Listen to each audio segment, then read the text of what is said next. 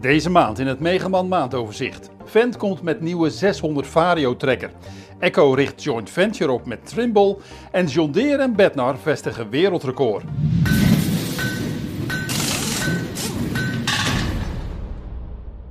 Trekkerbouwer Fendt komt met een nieuwe serie 4 trekkers. De 600 Vario-serie omvat vier modellen van 140 tot 224 pk. De trekker is een light versie van de vorig jaar geïntroduceerde zevende generatie van de 700 Vario. De trekkers zijn voorzien van een nieuwe 5 liter EcoPower dieselmotor met turbo. Deze motoren draaien relatief langzaam. Tussen 1200 tot 1600 motortoeren haalt het topmodel het maximum koppel van 950 Nm. De trekkers zijn ook voorzien van Vario Drive. Dat zorgt ervoor dat de voor- en de achteras onafhankelijk van elkaar worden aangedreven. De transmissie bepaalt hoeveel vermogen er naar de wielen moet en wanneer. De viercilindermotor maakt de trekker licht en wendbaar. De trekker weegt kaal zo'n 7700 kilo. Volgend jaar februari start de productie van de voorserie van de 600. Het Amerikaanse landbouwmachineconcern Echo richt samen met Trimble Ag een joint venture op, waarvan het voor 85% eigenaar wordt. Trimble brengt de landbouwproducten van het eigen merk in, zoals monitoren, stuurmotoren en software, maar ook de merken Muller en Bilberry. Echo brengt het bedrijf JCA Technologies in. In totaal betaalt Echo 2 miljard dollar aan Trimble, waarmee het feitelijk de producten van Trimble overneemt. De aankoop van de landbouwdivisie van Trimble zorgt ervoor dat Echo en de merken die onder deze fabrikant vallen, zoals Fendt, Massey Ferguson en Valtra, zich sneller kunnen ontwikkelen op het gebied van de precisielandbouw. Naar verwachting wordt de overname in de eerste helft van 2024 afgerond.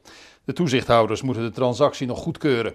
De helft van de machines die Echo verkoopt is nu al met een Trimble GPS-systeem uitgerust.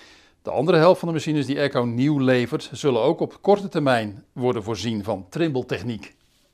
De Belgische fabrikant van machines voor de aardappelteelt, De Wulf, heeft een nieuwe gedragen poot-vreescombinatie gepresenteerd. De Zeta 40 Integraal vreest in één werkgang de grond, poot de aardappelen en bouwt de rug op. De Zeta 40 Integraal vertoont sterke overeenkomsten met de gedragen poot-vreescombinatie die Baselier al een aantal jaren op de markt brengt. Die machine is op haar beurt dan weer losjes gebaseerd op de getrokken All-in-One van Miedema.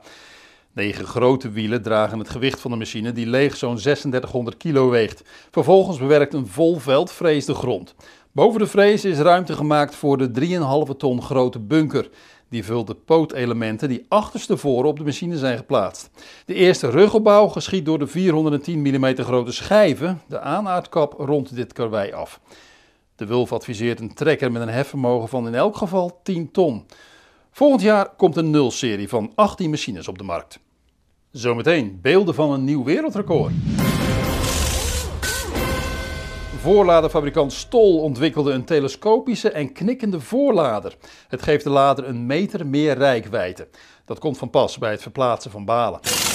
De Duitse machinebouwer Lemke schrapt de naam Steketee en de rode kleur van die machines. Voortaan zullen de Steketee-machines onder de naam Lemke en in de blauwe huiskleur aan de man gebracht worden.